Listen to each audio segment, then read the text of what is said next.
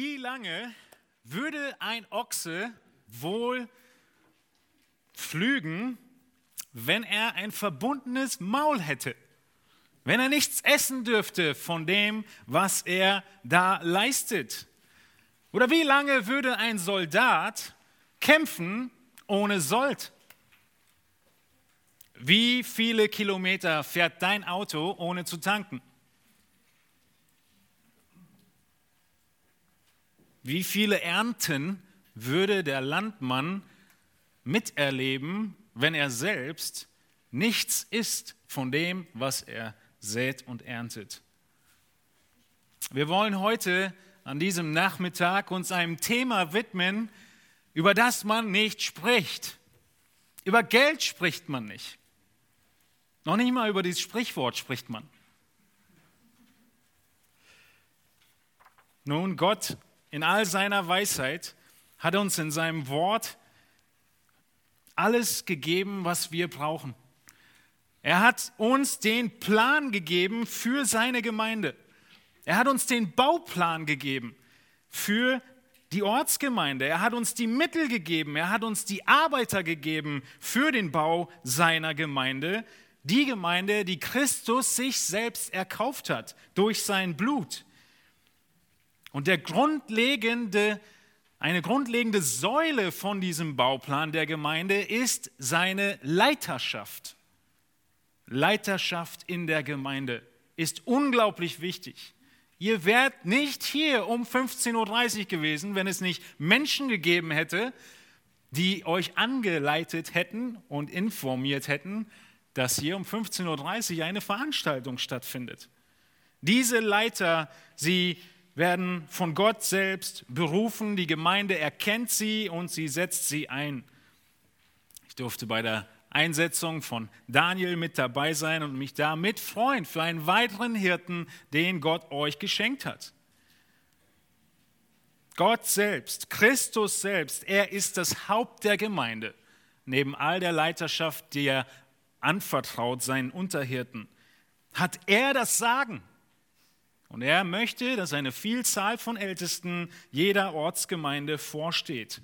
Nun, diese Wahrheiten erkennen die meisten Gemeinden, die meisten evangelikalen Gemeinden in unserem Raum an. Das ist nichts groß Neues. Aber eine Frage, die selten beleuchtet wird, ist die Frage, wie denn diese Hirtenältesten unterstützt werden sollen. Die Frage wird nicht beleuchtet, weil es sich für viele überhaupt gar nicht als eine Frage darstellt. Wieso? Nun, wir wissen genau, dass die Ämter, die geistlichen Ämter in der Geschichte auch unseres Landes schon viel zu oft missbraucht wurden. Unsere Neben dem sind wir mit Mittelmäßigkeit zufrieden und unsere Habsucht ist die grundlegende Wurzel, die das Ganze, äh, aus dem das Ganze herauskommt. Und wenn dem so ist, dann stellt sich die Frage gar nicht erst. Ja, wenn Mittelmäßigkeit in Ordnung ist und man überhaupt nicht weiß, was diese ältesten Pastoren eigentlich den ganzen Tag lang machen, ist ja der lockerste Job, den es eigentlich gibt, eine Stunde arbeiten pro Woche, dann stellt sich die Frage nicht. Wir wollen heute Nachmittag in dieser Predigt zusammen fassen, zusammenfassen, was die Schrift sagt, in einigen wenigen, aber doch sehr vielen Stellen, aber es sind immer noch lange nicht alle Stellen, die wir uns heute anschauen, über das Privileg der Hirtenältesten freigestellt zu werden, materielle Unterstützung anzunehmen von der Ortsgemeinde. Und wir werden sehen, dass Gott euch aufruft, als Ortsgemeinde danach zu streben, die Hirten freizustellen, sie zu unterstützen, es ihnen anzubieten, alles dafür zu machen, dass sie es annehmen können. Die Bibel hat nicht nur etwas zu sagen über deine privaten Ein- und Ausgaben, es ist noch nicht mal wirklich dein Geld, das habt ihr sicher schon mal gehört. Es ist Gottes Eigentum und wir verwalten es. Nein, Gott hat auch etwas dazu zu sagen, wie eine Ortsgemeinde mit den Mitteln umgehen sollte, die sie bekommt, mit den Spenden, die eingehen. Und diese Priorität, die in der ganzen Schrift hindurch deutlich wird, ist, dass die höchste Priorität der Verwendung der Spenden die Freistellung der Hirtenältesten ist. Nun, wir wollen aus Fehlern lernen. Jeder weiß, dass die Kirche ihre Ämter missbraucht hat. Wir sprechen nicht über Geld. Ein Skandal folgte dem anderen von Priestern und Pfarrern. Ja, wir sehen riesige Villen in Zeitungen und Fernsehen von dem einen oder anderen, die er nicht mehr verheimlichen kann. Geld wird veruntreut und, und, und. Es gibt sogar extra Organisationen, die sich darauf spezialisiert haben, ein Spendenzertifikat auszustellen und sicherstellen, dass eine Organisation, denen wir spenden, die Spenden auch wirklich richtig verwendet. Warum ist es so weit gekommen? Nun, wir lernen aus der Geschichte, also ist die Schlussfolgerung, wir unterstützen niemanden mehr. Dann kann der Fehler auch nicht passieren. Nun, wir wissen, dass Habsucht vor Geistlichen nicht Halt macht. Auch die Pastoren stehen in der Gefahr und auch für die Ältesten eurer Gemeinde haben wir noch ein paar Worte aus dem Wort, die wir nachher uns anschauen werden. Aber letztlich ist das eine der Ausreden, so möchte ich sie nennen, weil sie in der Schrift nicht vorkommt, für eventuell deinen Geiz oder deine Habsucht wenn das der Grund sein sollte. Auch schon im Neuen Testament war das nichts Neues. Älteste sind Älteste geworden, um sich zu bereichern. Kennt ihr jemanden davon? Paulus und Petrus, sie warnen eindrücklich davor, dass das Amt des Hirtenältesten kein Amt ist zur Bereicherung. 1. Petrus 5 spricht davon, Titus 1, 2. Petrus 2. Sie warnen vor Irrlehrern. Das ist ihr Kennzeichen. Sie werden Pastoren, um reich zu werden. Es ist nicht nur im Neuen Testament so, auch heute gibt es diese Männer. Nun, die Schlussfolgerung ist daher in vielen Gemeinden eine Kultur des Schweigens. Wir reden nicht mehr über Geld und wir reden auch nicht über meine Spende. Wir schweigen über Nöte der Gemeinde, über Nöte von den Menschen, es sei denn, sie betreffen das Gebäude oder die Tontechnik. Mittlerweile auch noch die Videotechnik. Ne? Über die kann man auch reden und Anschaffung und Spenden dafür extra sammeln. Wir schweigen über die Notwendigkeit, die Ältesten freizustellen, weil wir glauben, wir tun ihnen damit einen Gefallen. Wenn wir nämlich die Gemeinde, wenn wir den Ältesten nicht freistellen, dann bringen wir ihn auch nicht in die Gefahr, habsüchtig zu werden. Das wäre ja ein Kennzeichen für einen Irrlehrer. Also eigentlich tun wir nur was Gutes. Es gibt so viele verschiedene Aspekte, wie wir uns da rauswinden zu versuchen, aber es wird nicht funktionieren. Und deshalb verbinden wir die Mäuler der Ochsen. Paulus, er sagt uns sehr deutlich, in 1 Timotheus 5, 18, von dem ich, von Paulus, wo ich diesen Predigtitel hergeklaut habe, du sollst dem Ochsen nicht das Maul verbinden, wenn er drischt.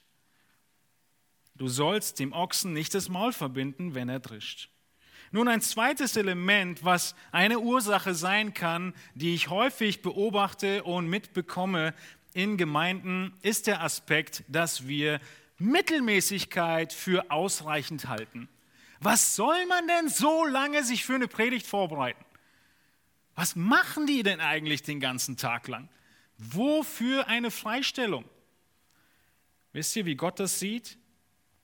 In Malachi 1, eine Textstelle, die nicht so wirklich was mit Finanzen direkt zu tun hat, nennt Gott das eine Verachtung seines Namens. In Malachi 1, Vers 6 fragt Malachi oder fragt Gott ja in einer Rede an das Volk und er beschreibt sich selbst als Vater und sagt in Malachi 1, Vers 6, ein Sohn soll seinen Vater ehren und ein Knecht seinen Herrn. Bin ich nun Vater, wo ist meine Ehre? Bin ich Herr, wo ist die Furcht vor mir? spricht der Herr der Herrscher zu euch Priestern, die ihr meinen Namen verächtlich macht. Aber ihr fragt, womit haben wir deinen Namen verächtlich gemacht? Gott, er ruft hier das Volk auf und sagt, ihr habt meinen Namen verachtet. Aber das Volk ist sich völlig ungewiss, was eigentlich die Schuld war. Und Gott muss sie aufklären in den weiteren Versen. Ihr könnt sie gerne weiter studieren, aber nicht jetzt, dass sie nur das Letzte, das, was übrig geblieben ist, das lahme Tier zum Opfer gebracht haben. Sie haben das gegeben, was gerade noch über war. Warum? Naja, es muss doch reichen. Läuft so oder so. Kann man ja auch noch essen. Kann man auch noch opfern. Geht doch irgendwie noch. Sowas würden wir nie tun, richtig? Na, opfern tun wir auch nicht mehr. Aber die meisten Gemeindebudgets, ich habe schon ein paar gesehen, sie, euer nicht, sie zeigen, dass die Gläubigen heute genauso leben. Genauso wie was? Genauso wie die Israeliten damals. Sie sagen sich, das, was am Ende noch übrig bleibt, das opfere ich dem Herrn. Genau das hat Israel getan. Und genau das tun wir. Am Ende des Monats, sowieso ein schrecklicher Moment, wenn wir aufs nächste, auf die nächste Zahlung warten, von wo auch immer sie kommt, und wir arbeiten darauf hin, dass wir irgendwie über die Runden kommen. Und dann schauen wir mal, was noch übrig bleibt. Vielleicht bist du jemand, der kein Kleingeld mag, kein Hartgeld. Scheine sind besser und die Karte, also das ganze Kleingeld, kann in den Klingelbeutel. Das ist genau dasselbe. Alles, was übrig bleibt, gebe ich. Was möchte Gott stattdessen? Er sagt, das ist keine Kleinigkeit. Er sagt, wenn du so lebst, dann verachtest du meinen Namen dann bin ich dir am Ende nichts wert und du raubst mir die Ehre. Nun, die Budgets der Gemeinden spiegeln genau das wider. Das Gemeindebudget ist häufig 10 Prozent nicht des Einkommens, wäre ja eine gute Richtlinie, sondern der Kaufkraft. Wisst ihr, was die Kaufkraft ist? Nachdem alle Fixkosten, die man so hat, inklusive den Nahrungsmitteln, bezahlt sind, das, was dann übrig bleibt pro Monat, nennt man die Kaufkraft. Und davon 10% landet durchschnittlich in der Gemeinde. Ich bin mir ganz sicher, dass das nicht auf jeden von euch zutrifft, aber das ist die Landschaft, in der wir uns befinden. Und die Frage, die du dir stellen kannst, ist, wann, an welchem Tag, in welchem Moment spende ich? Ist es wirklich der Erstling? Ist es, dass ich glaube, dass wenn ich am Anfang meines Zahlungszykluses Gott gebe, dass ich ihm wirklich vertraue, dass der Rest des Monats er mich durchträgt? Ich musste letzten Monat neue Spielmaschine kaufen.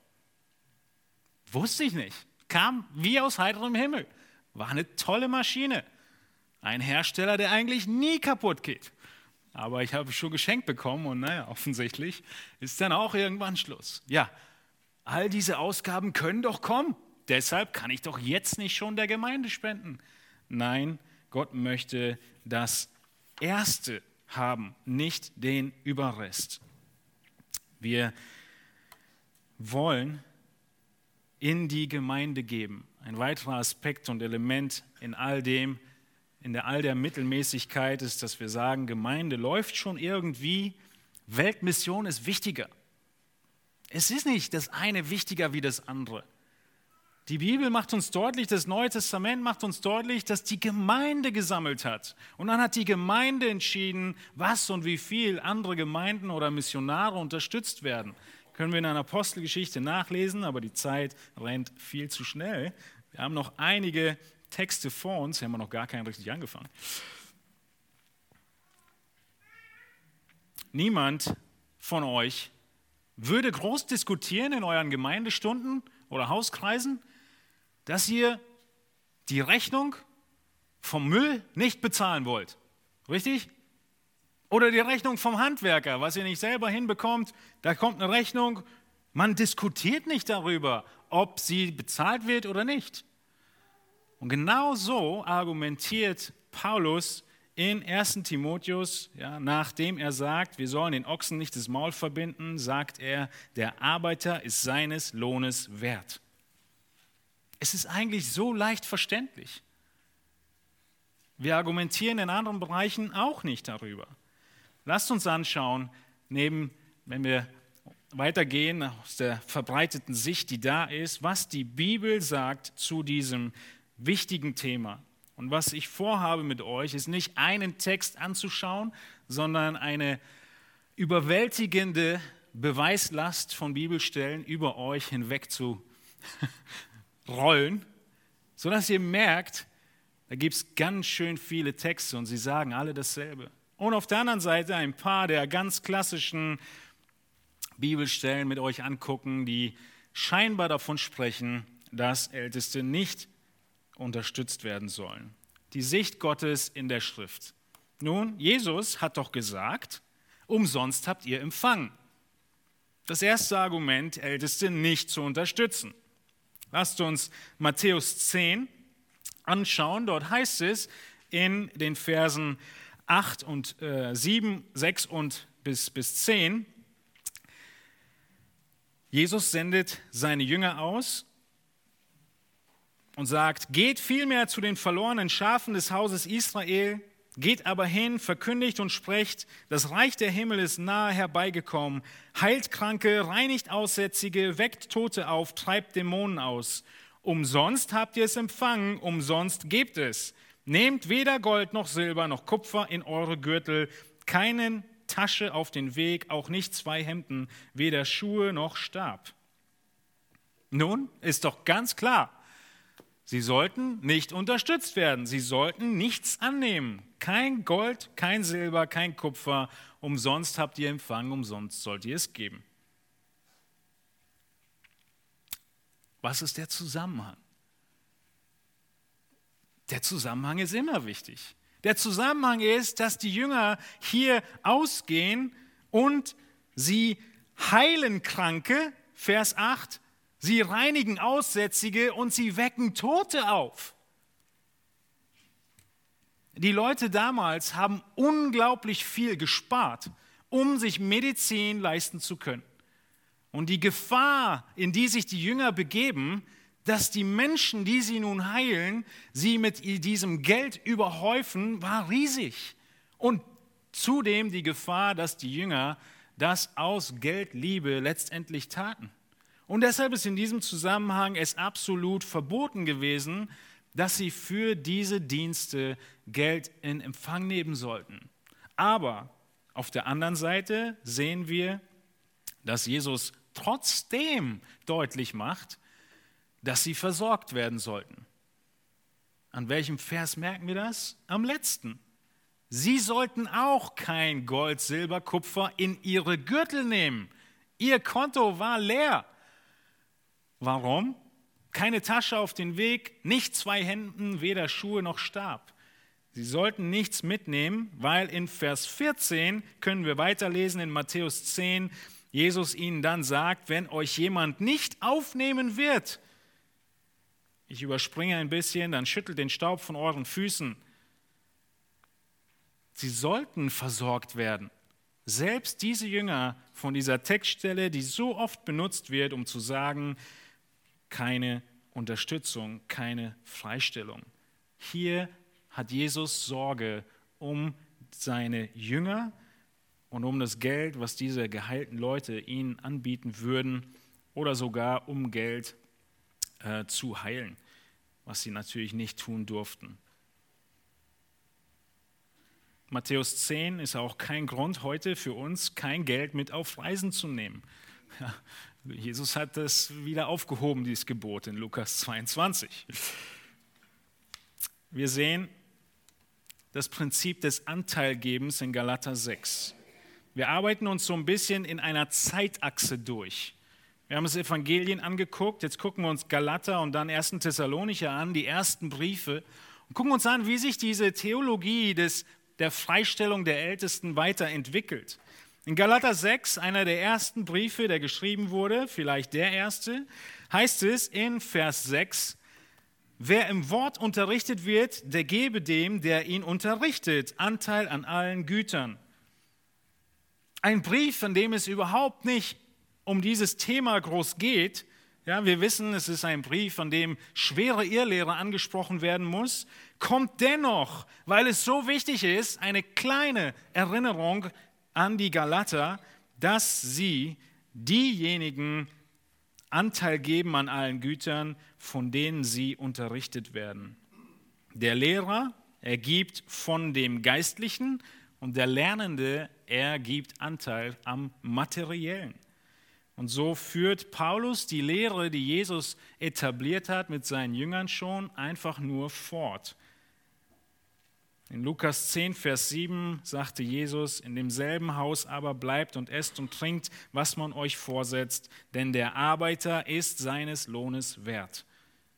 Paulus weiß das, greift es auf und sagt es den Kalatern, den Thessalonichern, einer Gemeinde, die sehr, sehr jung war, als sie gegründet wurde, oder da ist sie immer jung, äh, als sie den Brief bekommen haben, in 1. Thessalonicher 5. Da schreibt Paulus eine innige Bitte. Wiederum ein ganz früher Brief, den Paulus hier schreibt an eine ganz junge Gemeinde.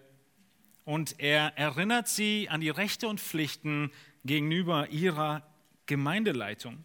Es heißt in Versen 12 und 13, wir bitten euch aber, ihr Brüder, dass ihr diejenigen anerkennt, die an euch arbeiten und euch im Herrn vorstehen und euch zurechtweisen und dass ihr sie umso mehr in Liebe achtet, um ihres Werkes willen. Lebt im Frieden miteinander. Paulus, er hat hier zwei Verse wieder eingeschoben in Bezug auf die Achtung und Anerkennung. Seht ihr das? Diejenigen anerkennt und achtet, die unter euch arbeiten. Das sind die Hirten, die Ältesten.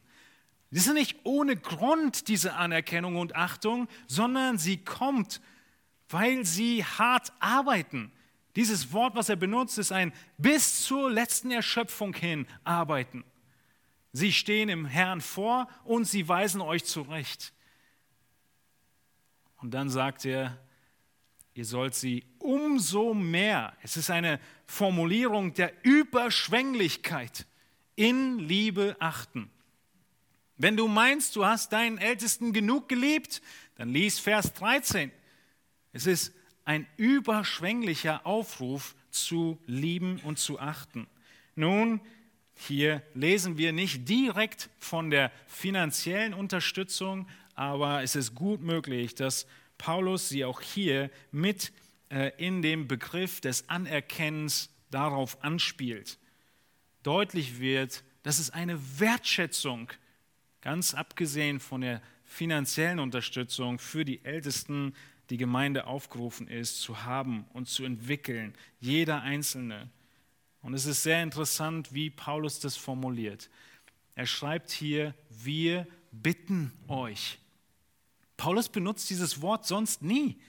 An zwei weiteren Stellen im Neuen Testament.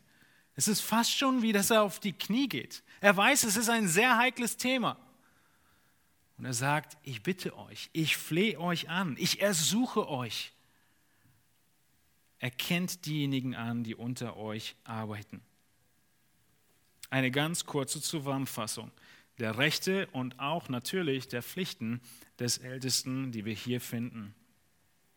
Ja, ich bin völlig überzeugt, einige Mäuler von Ochsen sollten verbunden bleiben. Nämlich diejenigen, auf denen diese Beschreibung nicht zutrifft der harten Arbeit, der Investition, der, des Zurechtweisens, des Vorstehens, des Beschützens. Aber es kann nicht sein, dass wir es einfach pauschal auf alle umlegen. Und ich bin überzeugt, keiner eurer Ältesten trifft auf diese Art von Ältesten zu.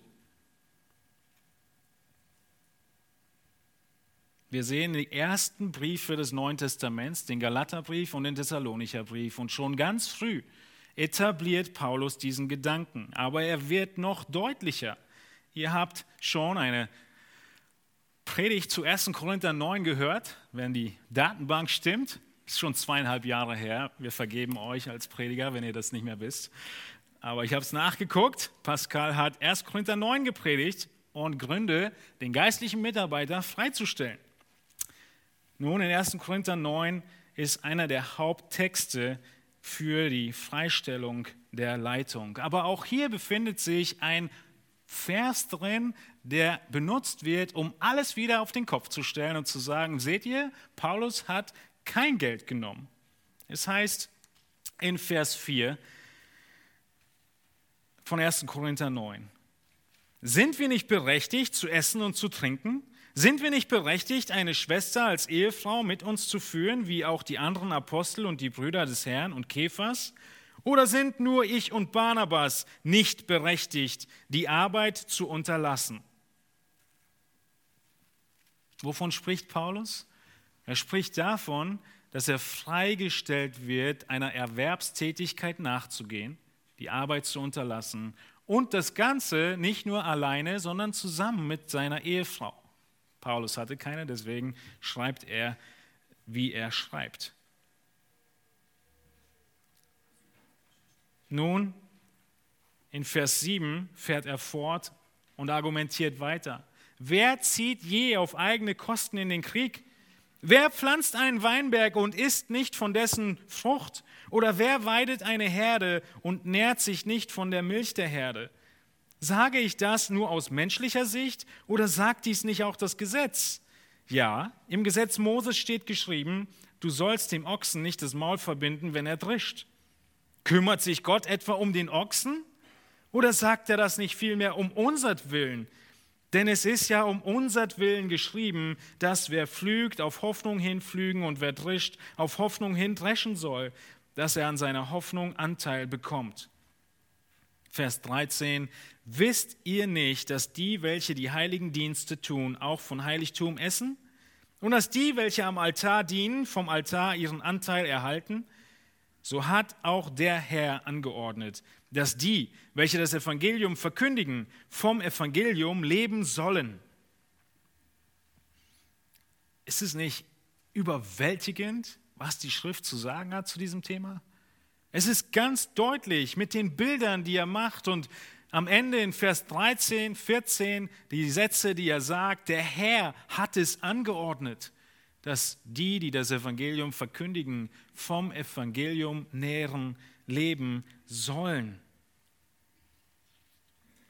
Einmal mehr finden wir auch hier dieses Zitat aus dem Alten Testament mit dem Ochsen, dem das Maul verbunden wird.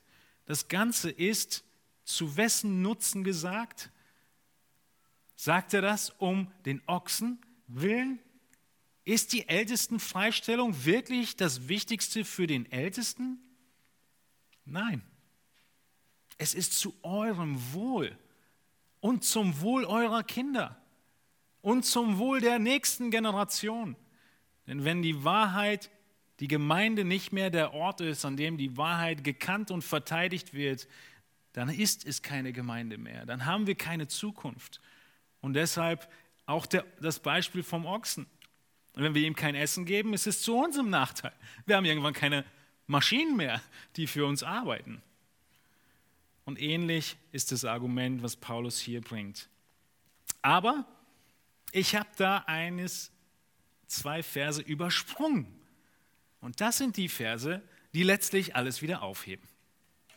Es heißt in 1. Korinther 9, Vers 12 dazwischen, wenn wir euch, äh, ne, habe ich gar nicht drauf, wenn wir euch die geistlichen Güter gesät haben, ist es etwas Großes, wenn wir euch von, von euch diejenigen für den Leib ernten? Und in Vers 12, der Vers, der am Ende wieder benutzt wird, um zu sagen, nein, brauchen wir nicht. Wenn andere an diesem Recht über euch Anteil haben, sollten wir es nicht viel eher haben. Aber wir haben uns dieses Rechtes nicht bedient, sondern wir ertragen alles, damit wir dem Evangelium von Christus kein Hindernis bereiten. Nun, dieser Vers wird ins Rennen geschickt, um zu sagen, seht ihr, die wirklich geistlichen Ältesten nehmen kein Geld.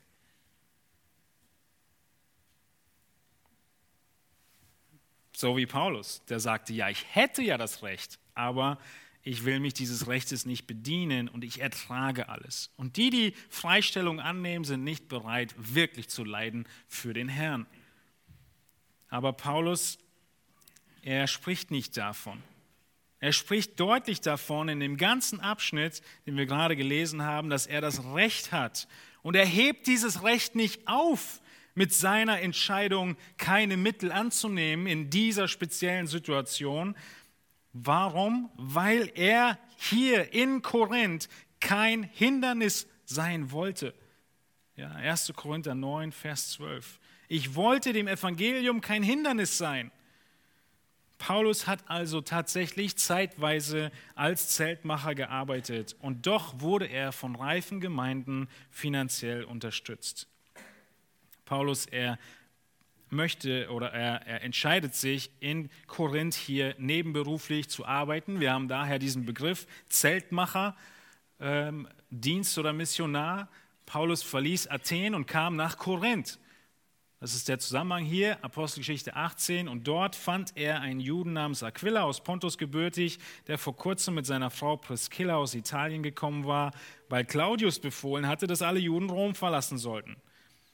Zu diesen ging er und weil er das gleiche Handwerk hatte, blieb er bei ihnen und arbeitete. Sie war nämlich von Beruf Zeltmacher. Er hatte aber jeden Sabbat Unterredungen in der Synagoge und überzeugte Juden und Griechen. Warum arbeitet Paulus in Korinth als Zeltmacher? Weil Korinth eine sehr harte Nuss war. Er hat sehr große Herausforderungen in dieser Stadt gehabt. Er musste großer, boshafter Feindlichkeit gegenüberstehen. Sie waren ihnen feindlich gesinnt, die Juden. In 1. Korinther 2, Vers 3 fasst er das milde zusammen, wenn er sagt, ich bin in Schwachheit und mit viel Furcht und Zittern bei euch gewesen. Paulus, der Mann, wisst ihr, was er alles erlitten hat? Ja, ihr wisst's. Und da in Korinth war er mit viel Furcht und Zittern, weil die Situation so brenzlig war. Das war der Grund, dass er gesagt hat, ich will keinerlei Möglichkeit geben für Kritik oder ähm, falsche, schlechte Rede und nehme mich ähm, und, und nehme das Recht nicht an, freigestellt zu werden. Das ist der Grund. MacArthur schreibt bei, in dem Buch Die lebendige Gemeinde zu diesem Abschnitt, die Unterstützung ist keine Pflicht, sondern ein Recht. In Vers 6 sagt Paulus, oder habe, haben allein ich und Barnabas kein Recht, nicht zu arbeiten? Barnabas und er sorgten durch eigene Arbeit außerhalb der Gemeinde für ihren Lebensunterhalt. Sie hatten ihr Recht aufgegeben, nicht erwerbstätig zu sein. Als geistliche Arbeiter hatten sie das Recht, Unterstützung von der Gemeinde zu empfangen, auch wenn sie sich entschlossen, von diesem Recht keinen Gebrauch zu machen. Sie arbeiteten freiwillig und nicht, weil sie es mussten denn sie wollten das Evangelium unentgeltlich verkündigen und wollten die Gemeinde nicht mit ihrem Unterhalt belasten. Aber schon ein paar Jahre später schreibt Paulus den Philippern in Philippa Kapitel 4, Vers 10 folgende Worte. Liebe Philippa, ich habe mich sehr gefreut im Herrn, dass ihr euch so weit wieder erholt habt, um für mich sorgen zu können. Ihr habt auch sonst daran gedacht, aber ihr wart nicht in der Lage dazu. Ein weiteres Argument für Paulus, erwerbstätig zu sein, war, dass sendende Gemeinden, unterstützende Gemeinden phasenweise selbst in so großer Armut waren, dass sie, sie ihn nicht unterstützen konnten. Und deshalb ging er zeitweise seiner Erwerbstätigkeit wieder nach. Wir sehen, wie flexibel Paulus ist. Aber wir sehen auch, was der Auftrag und das Hinarbeiten, das Streben nach der Ortsgemeinde sein soll. Noch konkreter wird es dann in 1 Timotheus 5. Wir waren jetzt in Korinth, im Korintherbrief und etwas später und konkreter 1 Timotheus 5. Und wir sehen hier, dass dieser Brief geschrieben ist damit wir wissen, wie wir wandeln sollen im Haus Gottes. Erst Timotheus ist ein Brief, an dem das Einmaleins die grundlegenden Dinge zum Gemeindeleben festgehalten werden. Paulus, er hat genau diese Absicht, wenn er diesen Brief schreibt. Das heißt, es ist ein Brief, an dem alle wichtigen Themen angesprochen werden. Es sind acht Themen, die Paulus für wichtig hält, Timotheus weiterzugeben. Welche acht sind es? Erstens die Abwehr von falschen Lehren. Zweitens die Ermunterung zum guten Kampf des Glaubens. Drittens für die Rettung von Menschen zu beten. Viertens das Verhalten der Frauen in der Gemeinde zu erläutern. Fünftens die Merkmale von Ältesten und Diakonen festzuhalten, die Qualifikationen. Sechstens über all verschiedene Beziehungen in der Gemeinde zu sprechen. Jetzt sind wir in Kapitel 5 angekommen. Siebtens den Umgang mit den Witwen zu beantworten und achtens, die Rechte und Pflichten der Ältesten aufzugreifen. All diese acht Punkte sind enorm wichtig für die Gemeinde. Bis zu Punkt Nummer sieben stimmen alle überein. Punkte eins bis sechs sind absolut wichtig für die Gemeinde, auch heute noch.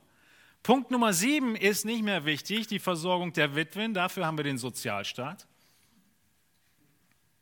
Und über Punkt Nummer 8 reden wir nicht. Aber nur über einen Teil von Punkt Nummer 8 reden wir nicht. Über die Rechte reden wir nicht. Über die Pflichten reden wir dann und teilweise auch über die Rechte der, der mehreren Zeugen. Wir merken, dass es völlig unnatürlich ist, diesen Fluss und das Argument von Paulus zu unterbrechen in dem Vers, wo er davon spricht, dass die Leiter freigestellt werden sollen. Es heißt über die Witwen, dass die Witwen, 1 Timotheus 5, Vers 3, geehrt werden sollen. Ehre die Witwen, die wirklich Witwen sind. Und was ist Ehren? Ist Ehren einfach nur eine Anerkennung, die Tüte tragen, über die Straße helfen? Nein. Die Fußnote von verschiedenen Bibelübersetzungen, sie beschreibt, dass das Ehren die materielle Unterstützung mit einschließt. Die Witwen, die ohne Angehörige waren, sie waren auf sich selbst gestellt und mussten versorgt werden. Es gab keine Altersversorgung. Und das hat die Gemeinde übernommen unter diesen Bedingungen, die da ähm, beschrieben sind und die Qualifikationen, die diese Witwen haben sollten. Die Ehre bedeutet also materielle Unterstützung und wird untermauert mit dem Vers, den wir lesen, wenn jemand für die Seinen, besonders für seine Hausgenossen nicht sorgt, so hat er den Glauben verleugnet und ist schlimmer als ein Ungläubiger in Vers 8. Es geht um Finanzen, auch bei den Witwen schon, denn es geht ums Versorgen. Und dieses Ehren wird jetzt in 1 Timotheus 5, Vers 17 für die Ältesten aufgegriffen. Das ist der Vers, auf den wir hingearbeitet haben. Die Ältesten, die gut vorstehen, sollen doppelter Ehre wert geachtet werden. Besonders die, welche im Wort und in der Lehre arbeiten. Denn die Schrift sagt, du sollst dem Ochsen nicht das Maul verbinden, wenn er drischt. Und der Arbeiter ist seines Lohnes wert.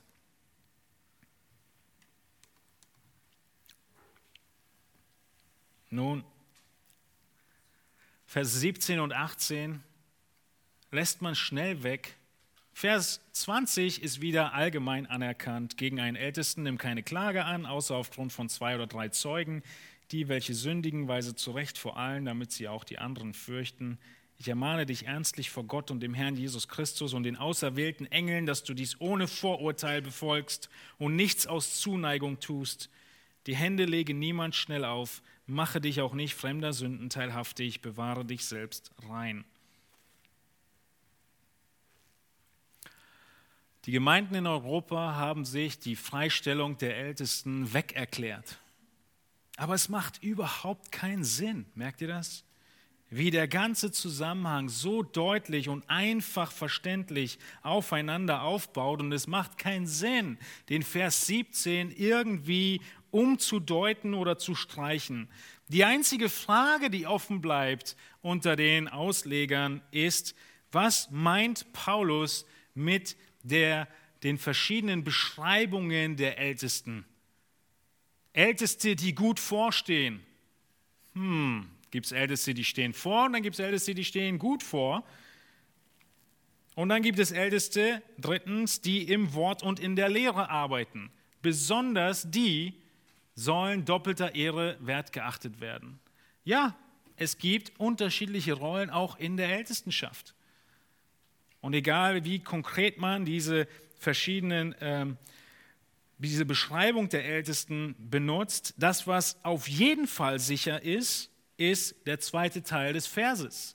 Die, welche im Wort und in der Lehre arbeiten, sollten auf jeden Fall mit größter Anstrengung freigestellt werden, doppelter Ehre wertgeachtet werden und Ehre bedeutet im Zusammenhang finanzielle Zuwendung. Mindestens die Ältesten, die im Hauptpredigt und Lehrdienst stehen, sollen unterstützt werden. Sie sollen für ihren Lebensunterhalt soll gesorgt werden. Sie sollen sich nicht kümmern müssen um andere Dinge. Das heißt nicht, dass die Ältesten unterschiedliche Verantwortung haben. Zitiere nochmal von John MacArthur aus Die lebendige Gemeinde. Er beschreibt dort unterschiedliche Rollen der Älteste. Jeder Älteste ist dafür verantwortlich, dass die Herde beaufsichtigt, versorgt, ernährt, beschützt und belehrt wird.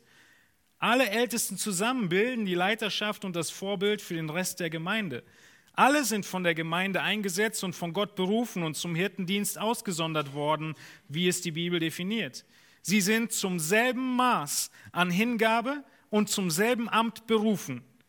Finanzielle Unterstützung sollte hier keinen Trennstrich ziehen. Jeder Älteste hat die Option, Unterstützung anzunehmen oder selber für seinen Lebensunterhalt zu sorgen, je nachdem, was Gottes Wille für ihn ist.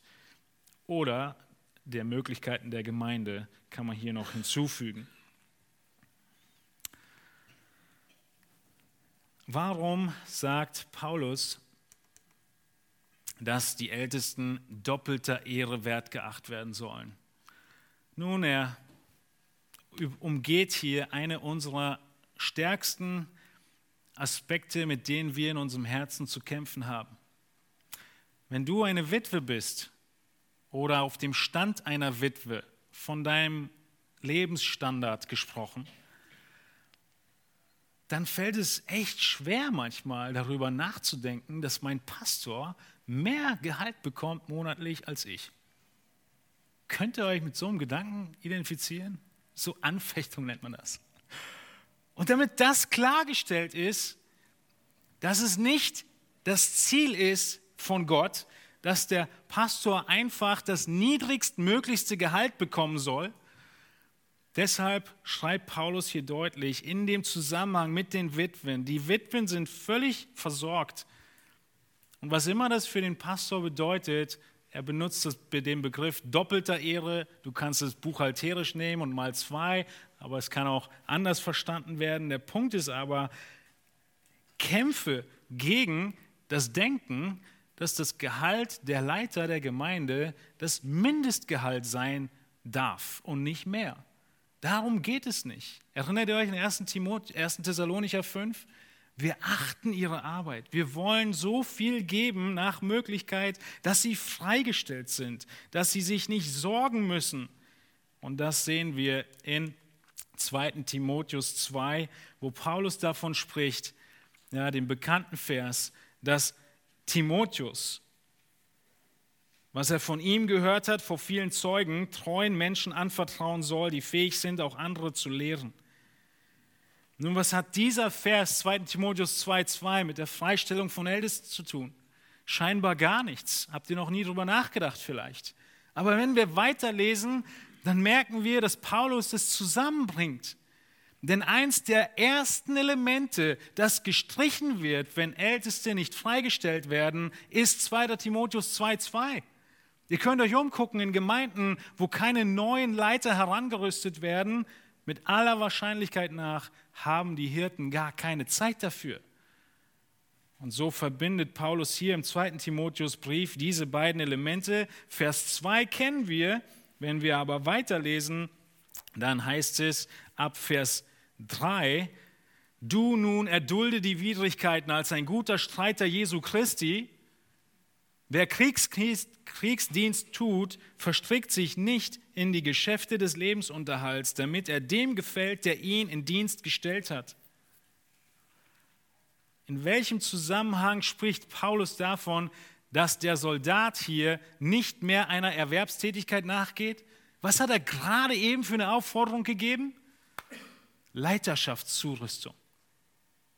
Paulus achtet es für wichtig, dass nachdem er sagt, rüste treue Menschen zu, ruft er ihm in Erinnerung und sagt, kümmere dich nicht um den Lebensunterhalt. Du stehst im Krieg. Diese beiden gehören zusammen und der Soldat, er muss freigestellt werden, er muss versorgt werden, sodass er sich nicht selbst darum kümmern muss. Es ist so ein einfaches und deutliches Bild. Er nimmt dann als zweites den Sportler als Illustration in Vers 5. Und wenn sich auch jemand an Wettkämpfen beteiligt, so empfängt er doch nicht den Siegeskranz, wenn er nicht nach den Regeln kämpft. Dieser Sportler, er muss genauso wie der Älteste sich an die Regeln halten, die Regeln des Dienstes, die das Wort vorgegeben hat, sodass er diese Aufgabe richtig wahrnimmt. Der Älteste es wartet ein Gericht auf ihn. In Jakobus 3.1 heißt es, es ist ein härteres Urteil, was die Lehrer empfangen werden. In Hebräer 13.17 heißt es, die Ältesten, sie müssen Rechenschaft geben für jede einzelne Seele von euch. Es sind Regeln, die sie zu befolgen haben, genau wie der Sportler. Sie sollen sich nicht in Geschäfte verstricken, genau wie der Soldat. Und das letzte Bild, was er gebraucht hier in 2 Timotheus 2, ist, dass wie der Ackersmann nach langer Zeit die Saat zwischen Saat und Ernte von seiner Arbeit lebt, so soll auch der Älteste von dieser Arbeit leben. Und interessanterweise macht Paulus das nicht mit erhobenem Zeigefinger und mit, einem, mit einer Faust auf dem Tisch, sondern er sagt einfach in Vers 7, lieber Timotheus, bedenke diese Dinge. Bedenke die Dinge, die ich sage. Denk darüber nach. So muss es funktionieren und nicht anders. Und was ist der zweite Timotheusbrief? Es ist der Abschiedsbrief. Das sind die letzten Worte. Das ist alles, was Paulus zu sagen hat zu diesem Thema. Nun einige kurze Worte und Erinnerungen an eure Ältesten.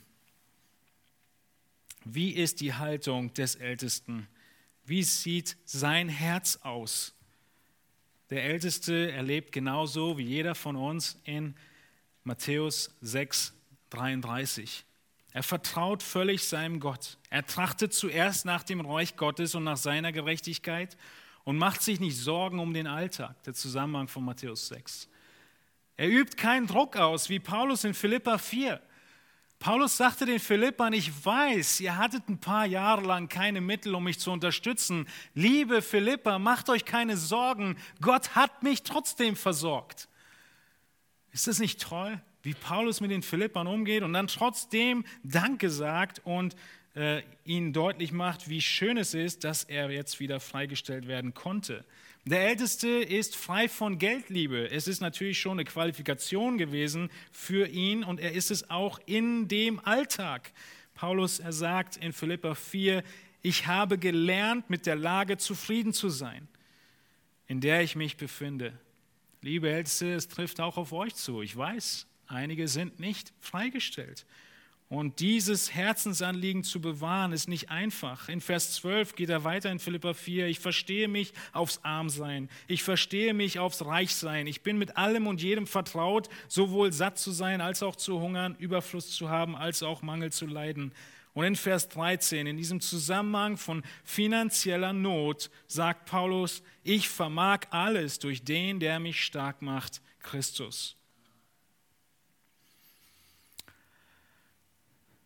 In all diesen Herausforderungen, in all diesen zeitlichen Bedrängungen, in Zeiten, in denen es finanziell hart ist, halten wir fest an der Zufriedenheit und Genügsamkeit Christi. Und gleichzeitig, als letzten Punkt, auch in Philippa 4 sehen wir, dass der Älteste weiß, dass wenn die Gemeinde ihn freistellt, die größte Frucht bei der Gemeinde ist. In Philippa 4 geht Paulus weiter und sagt den Philippern, ihr habt recht gehandelt, dass ihr Anteil an meiner Bedrängnis genommen habt. Ihr Philippa, ihr wisst ja, dass am Anfang des Evangeliums, als ich von Mazedonien aufbrach, keine Gemeinde mit mir Gemeinschaft gehabt hat im, Nehmen, im Geben und im Nehmen als ihr allein. Denn auch nach Thessalonich habt ihr mir einmal und sogar zweimal etwas zur Deckung meiner Bedürfnisse gesandt. Und jetzt kommt der wichtige Vers. Nicht, dass ich nach der Gabe verlange, sondern ich verlange danach, dass die Frucht reichlich ausfalle auf eurer Rechnung. Ich bin genügsam, ist die Haltung des Ältesten, aber gebt freimütig, es wird auf eurer Rechnung gut dastehen. Die Rendite Gottes ist nicht zu toppen mit irgendetwas auf dieser Welt. Die Rechnung der Gemeinde, auf ihre Rechnung wird es ausfallen. Und deshalb kann er ohne Gewissensbisse die Gabe annehmen. Warum sage ich ohne Gewissensbisse? Weil der Text in Philippa 4 deutlich macht, dass die Philipper so viel gegeben haben, dass sie selbst ins Minus gegangen sind. Sie haben sich selbst beschnitten, um Paulus zu unterstützen. Und er hätte jetzt sagen können, das kann ich einfach nicht annehmen. Jetzt geht es euch so dreckig. Und er sagt, ich nehme es an, ich danke dem Herrn, weil ich überzeugt bin, dass Gott euren Mangel ausfüllen wird. So geht der Text weiter in Vers 19. Mein Gott aber wird all euren Mangel ausfüllen nach seinem Reichtum in Herrlichkeit in Christus Jesus. Was für ein herrliches Thema. Ein Thema, über das man nicht spricht. Ein Thema, das sehr unpopulär ist. Ein Thema, in dem wir wissen, dass viele sich an diesem Thema disqualifiziert haben, der Leiter. Aber ihr Lieben, es darf uns nicht davon abhalten, das zu tun, was Gott möchte, dass wir tun, als Gemeinde, als Glieder, uns ihm hinzugeben, auch im materiellen, in der Unterstützung. Und wir sehen dieses Vorbild und diese ähm, Dinge in vielen anderen Texten der Schrift noch. Ich habe überhaupt nicht das ganze Alte Testament angerissen, an dem wir noch viel mehr ähm, machen und, und ausarbeiten könnten. Die Mitglieder, sie sollen belehrt werden und aufgerufen werden. Die Mitglieder werden sich sehr freuen über qualifizierte Leiter, das ist immer der Fall. Sie sollen sich freuen, wenn es jemanden gibt, der an ihnen dient. 1. Thessalonicher 5. Die Mitglieder sollen ihre Verantwortung wahrnehmen und sie sollen ihre geistlichen Leiter ermutigen. Diese geistlichen Leiter, die freigestellt werden, sind nicht frei von Fehlern oder Sünde. Sie stehen sogar in der Gefahr, ihren Dienst zu vernachlässigen. Das ist Kolosser 4,17, wo Paulus sagt, Sagt dem Archippus, liebe Gemeinde, liebe Kolosser, erinnert Archippus daran, habe Acht auf den Dienst, den du im Herrn empfangen hast, damit du ihn erfüllst. Nun, wie setzen wir das Ganze um? In Kürze die Zusammenfassung davon. Wir müssen, bevor wir jemanden freistellen, sicher gehen, dass er qualifiziert ist. Ich weiß, dass ihr das tut. Er muss qualifiziert sein und er muss seine Berufung ernst nehmen. Und dann sind wir frei und froh, ihn auch freizustellen. Dieser Leiter, er muss als freigestellter Ältester, ähm, ja, er bleibt ein wachsender Ältester, ich muss mich ein bisschen beeilen. Er muss als freigestellter Ältester sich seiner Gefahren bewusst sein. Ja, vielleicht ein Vers nur aus Hesekiel 34. Die Gefahr ist da. In Hesekiel 34, wo Gott die Hirten Israels warnt und sagt, so spricht Gott der Herr, wehe den Hirten Israels, die sich selbst weiden, sondern die Hirten sollen die Hirten nicht die Herde weiden. Die Gefahr ist da, derer sind wir uns bewusst. Ihr, liebe Älteste, seid euch dieser Gefahr bewusst, auch gerade wenn Freistellung kommt. Freistellung heißt nicht Faulheit. Und deshalb seid ihr qualifiziert und eingesetzt, weil die ganze Gemeinde bestätigt hat, dass ihr nicht faul seid, sondern hart arbeitet. und dann nehmen wir die Ehre und Versorgung ernst. Wir kalkulieren und geben in Risikobereitschaft. Risikobereitschaft, die den Herrn ehren wird, wie die Philipper, wie andere in 1. Korinther 9, die über ihr Ausmaß hinweg geben. Ja, wir kalkulieren, aber für Christus gehen wir auch Risiko ein. Wir setzen um, was die Schrift sagt. Warum sollen wir nicht auch mal eine Sonderspende einrichten für die Notwendigkeit der Finanzierung von geistlichen Leitern? Warum immer nur das Bauprojekt oder die neue Tontechnik? Wir finden für diesen Aufruf, die Hirten freizustellen, viel mehr, eine erdrückende Zahl von Aufrufen in der Bibel, als für irgendeinen Bau von einem Gebäude, eine Frischwasserquelle im Entwicklungsland oder neue Technik. All die Dinge sind gut, aber die Prioritäten sollen gewahrt werden. Er baut seine Gemeinde. Gott baut seine Gemeinde. Und es gibt Grundlagen, es gibt Fundamente bei jedem Haus. Und je größer das Haus, umso größer die Fundamente. Und das Fundament der Gemeinde ist gegeben. Das Wichtigste in dem Budget der Gemeinde ist das Element der Hirten, der geistlichen Arbeit und der Unterstützung. Auch wenn andere es missbraucht haben, müssen wir trotzdem gehorsam sein. Die qualifizierten Hirtenältesten dem Privileg anbieten, materiell unterstützt zu werden und diese Verantwortung nachzugehen. Und wisst ihr, was das Herrliche ist? Die Verheißung, die den Philippern galt, gilt genauso euch. Gott wird Segen geben. Er ist fähig, jeden Mangel von euch auszufüllen in seinem, nach seinem Reichtum in Christus Jesus, wie wir in Philippa 4,19 gesehen haben. Und so dürfen wir dankbar geben und freudig geben und fröhlich geben, geplant geben, großzügig geben, frei geben, weil wir wissen, der Erste, der sich hingegeben hat, war Christus selbst. Er hat alles gegeben, damit wir reich werden. So endet Paulus sein eine Ausführung in 2. Korinther 9, 15 auch über dieses Thema. Gott aber sei Dank für seine unaussprechliche Gabe.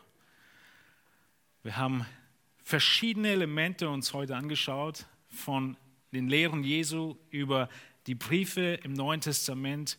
Und wir sehen, dass die Wahrheiten, dass die Ochsen offene Mäuler haben sollten, starke Unterstützung findet. Und ich bete, dass ihr Freude habt und diesen Segen schon bald erfahren dürft, das noch mehr zu tun.